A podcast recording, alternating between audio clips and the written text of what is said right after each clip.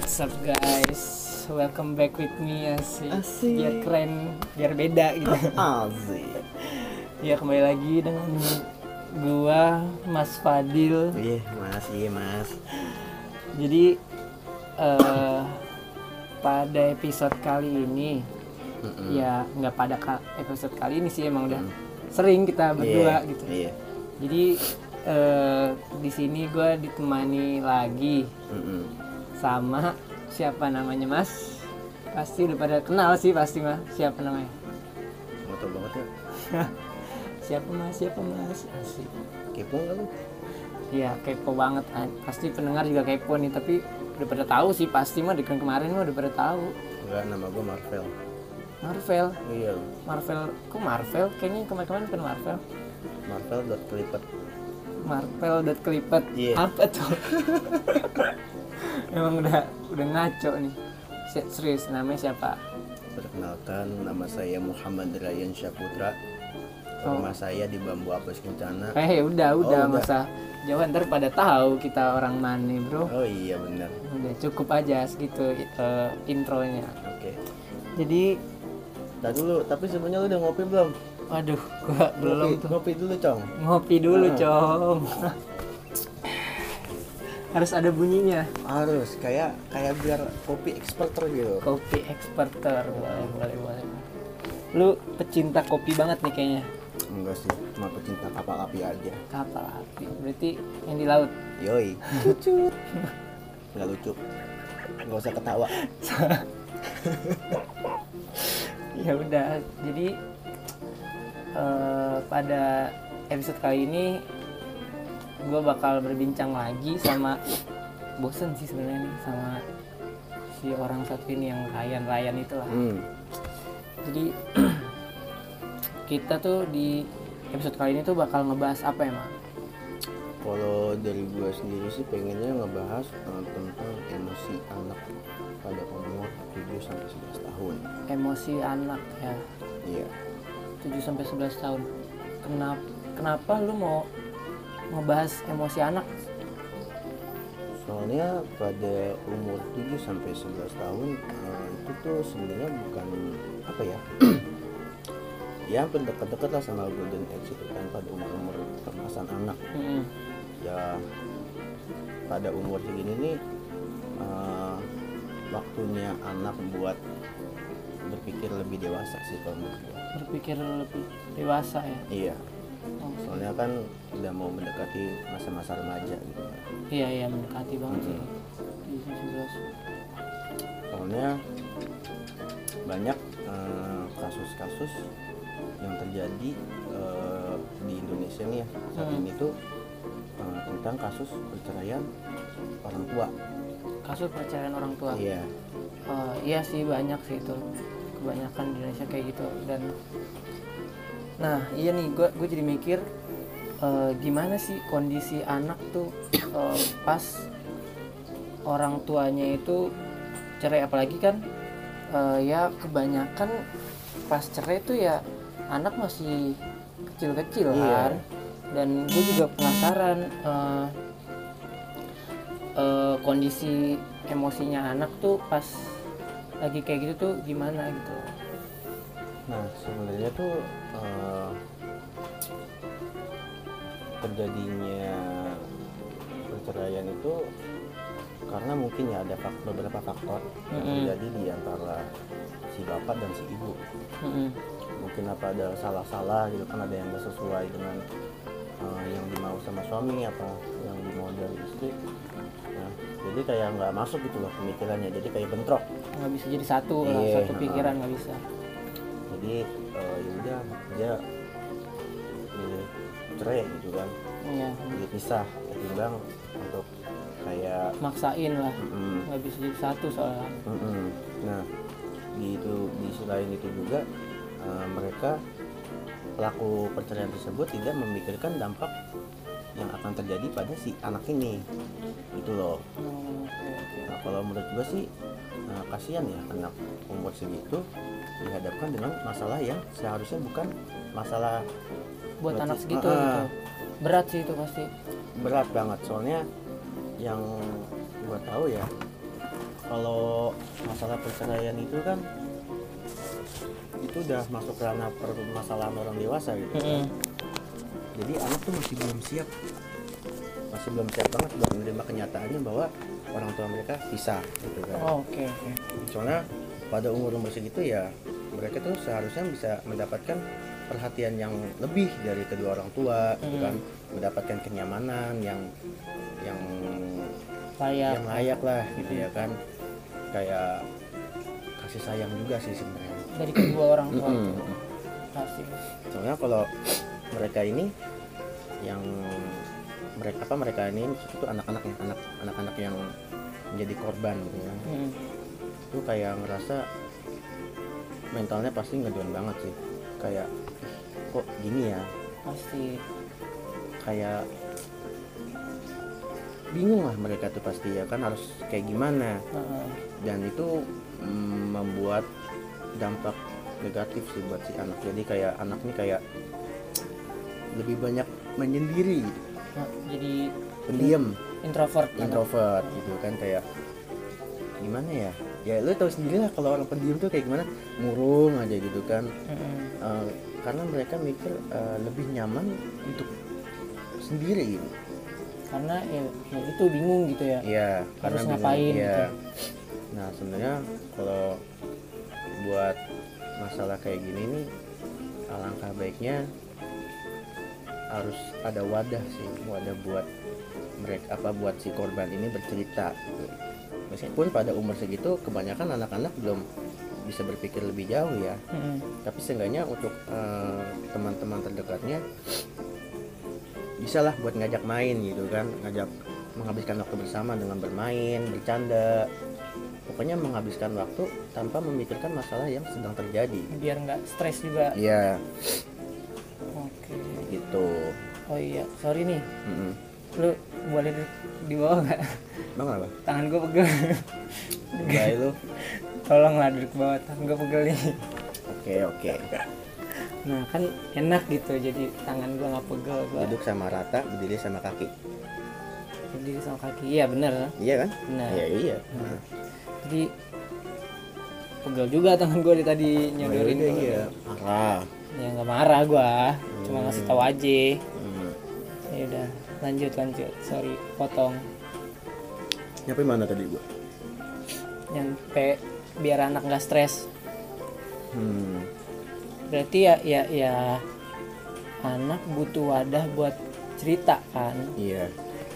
dan ya ya ya itu eh, apalagi di di umur segitu tuh emang zamannya zaman zaman anak buat bermain kan Iya, benar.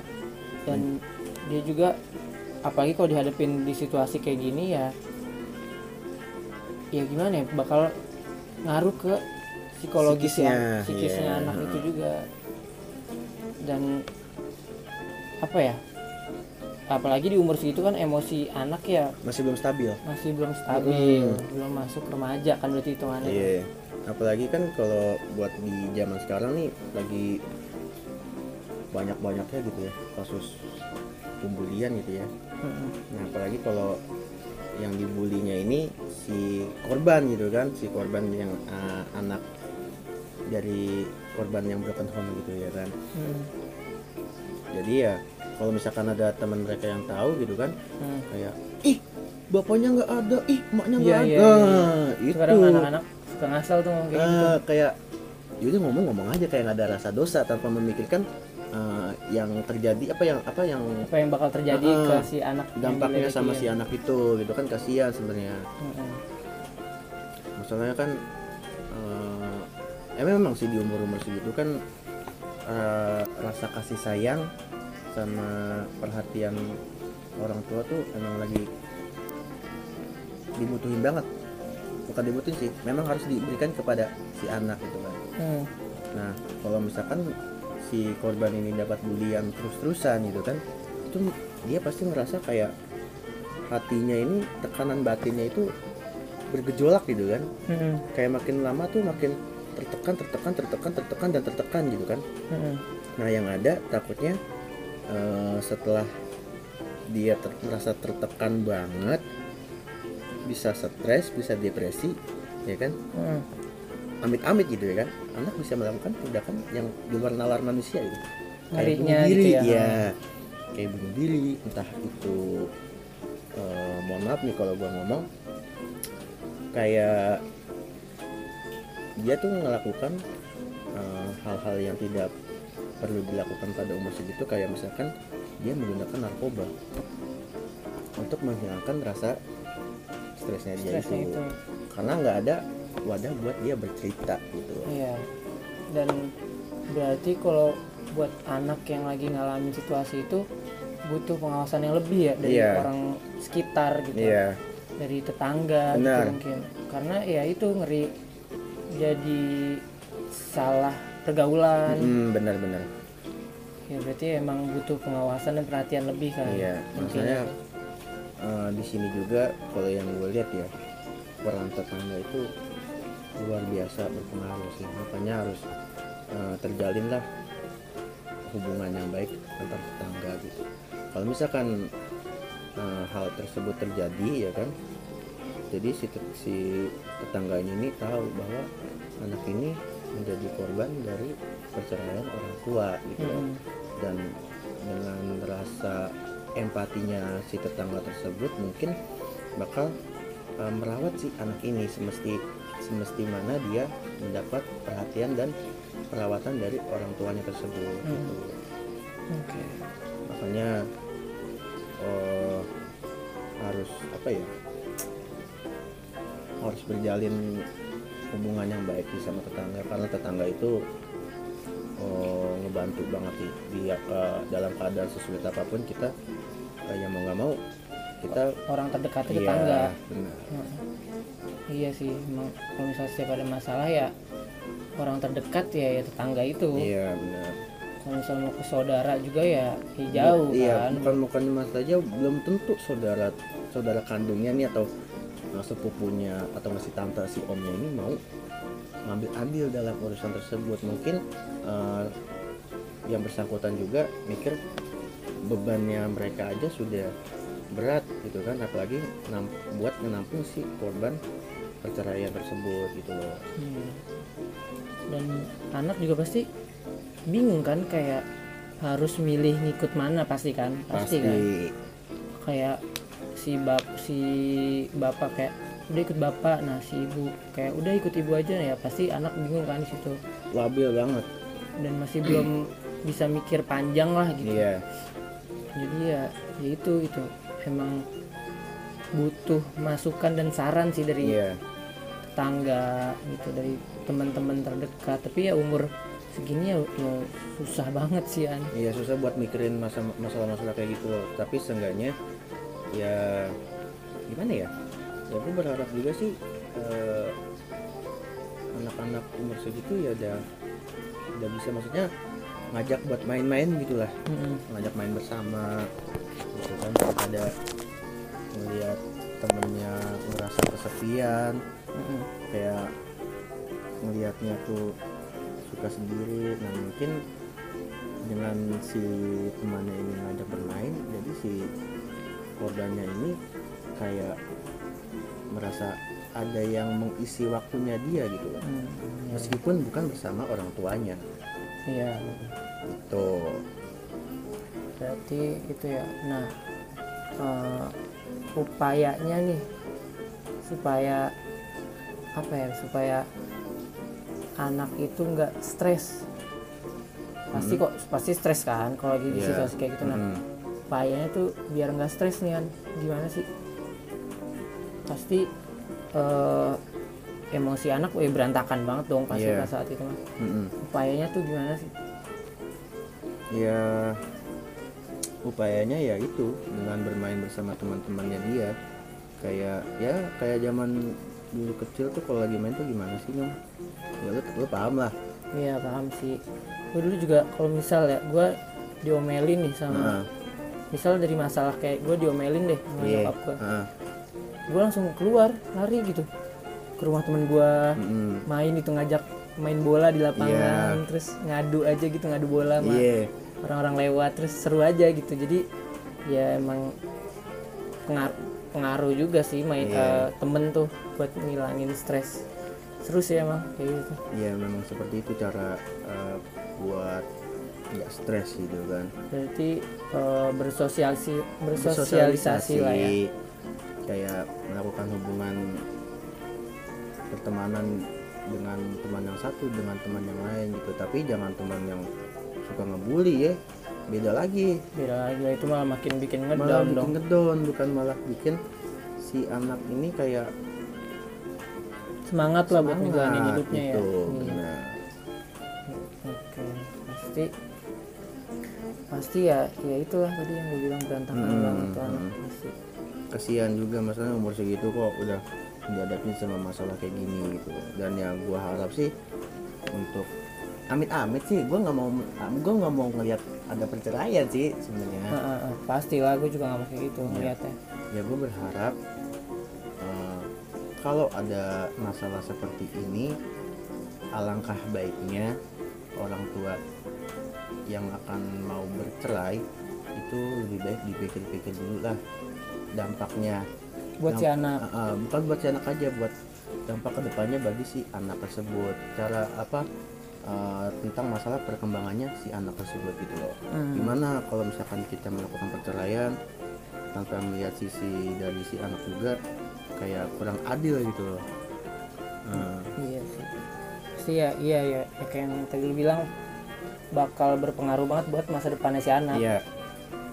Ya bakal gimana ya ngebentuk karakteristik si anak yang baru. Hmm, entah itu ngebikin anak jadi pendiam Hmm. atau jadi eh, yang lebih parah itu ginian ada tuh jadi dulu tuh temen gua dia tuh karena ngeliat orang tua kayak gitu jadi dia tuh takut buat nikah ya ngomong gitu dia ke gua cerita Iya.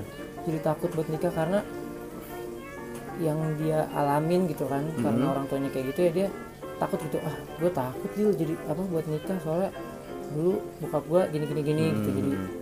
gue jadi takut gitu trauma gitu Iya. ngeliat orang tua gue sendiri kayak gitu gue jadi ngurungin niat, Niat gue buat buat- nikah Heeh. Heeh, nah terus iya gue sebagai ya, teman yang baik ya gue ngasih saran yang terbaik dan ya gue bakal apa ya nge- nge-support dia terus lah Iya. gitu memang seharusnya teman yang baik itu seperti itu seharusnya Iya.